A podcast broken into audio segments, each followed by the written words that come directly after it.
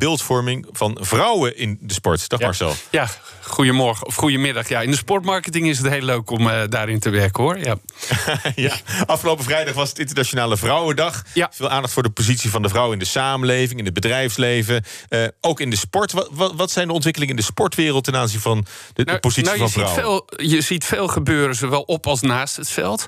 Uh, en het valt me e-, echt op dat het ook steeds commerciëler wordt ingezet. Dus in, in het verleden was het zo dat ook het bedrijfsleven zei: Nou, weet je wel, we gaan iets doen met, uh, met, met vrouwensport. En dat was dan bijna een soort. Uh, maatschappelijk betrokken ondernemen. En nu zie je bijvoorbeeld dat Visa een groot sponsor is geworden van de UEFA van het vrouwenvoetbal. Daar ook een hele campagne omheen heeft ontwikkeld. We Play Strong.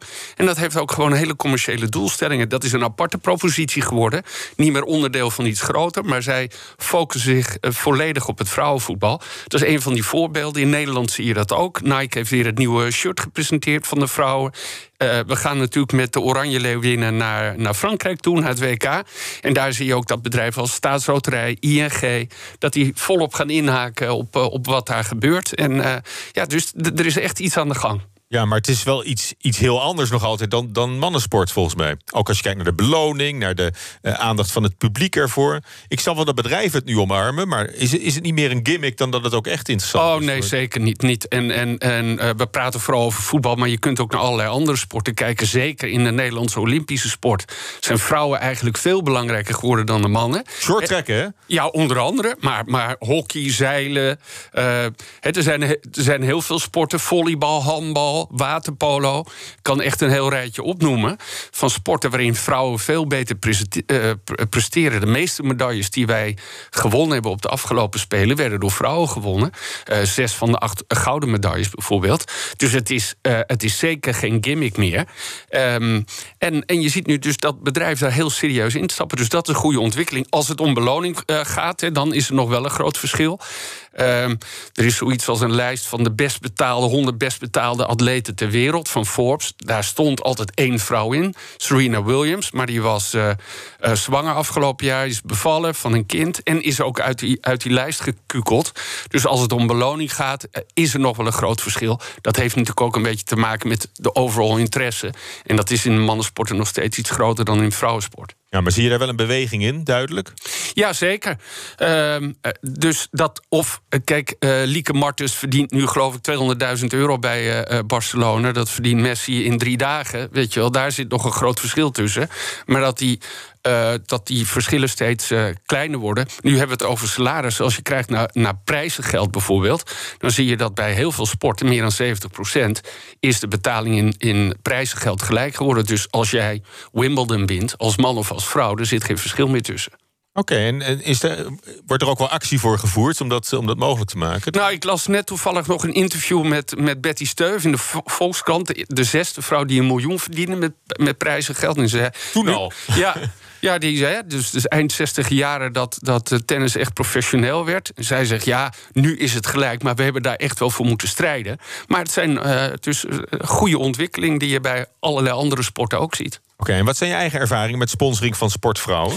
Nou, ik, ik heb best veel gedaan. Ik heb voor Samsung een project gedaan. Um, uh, dat, de, uh, het Samsung Galaxy, Galaxy Team. Ik heb de rugbyvrouwen gesponsord. Um, ik, heb, ik heb allerlei individuele sporten, zoals in het volleybal, ook, ook de vrouwenteams gesponsord. Ik had wel één ervaring vlak voor het EK 2017. Toen was ik in gesprek met een hele grote retailer. Die sponsor kon worden van de Oranje Leeuwinnen. En die zeiden uiteindelijk op het laatste moment in de boardroom: ja vrouwenvoetbal, is het nou wel serieus genoeg? Eh, willen we dat wel doen? Dus die vonden dat inderdaad een, een gimmick, het woord dat jij net gebruikte.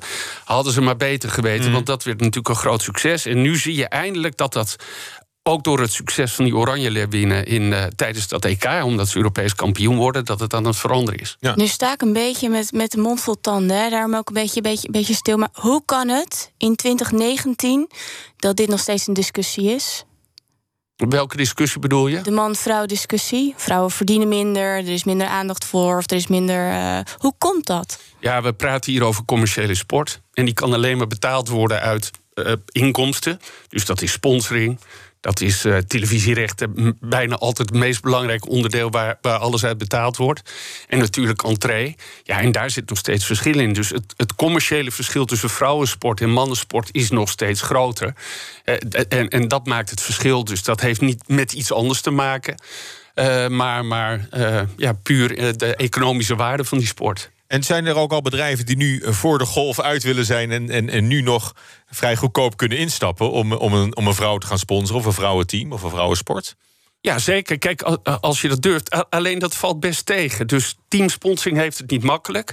Uh, maar iemand als Daphne Schippers heeft, heeft zich gewoon omringd met een aantal goede sponsors. De Oranje Leeuwinnen, ik, ik gebruik dat maar steeds als voorbeeld. Hebben zich omringd met een aantal goede, goede sponsors. Ja, en naast het veld, hè, in de bestuurskamers, want daar begon je mee.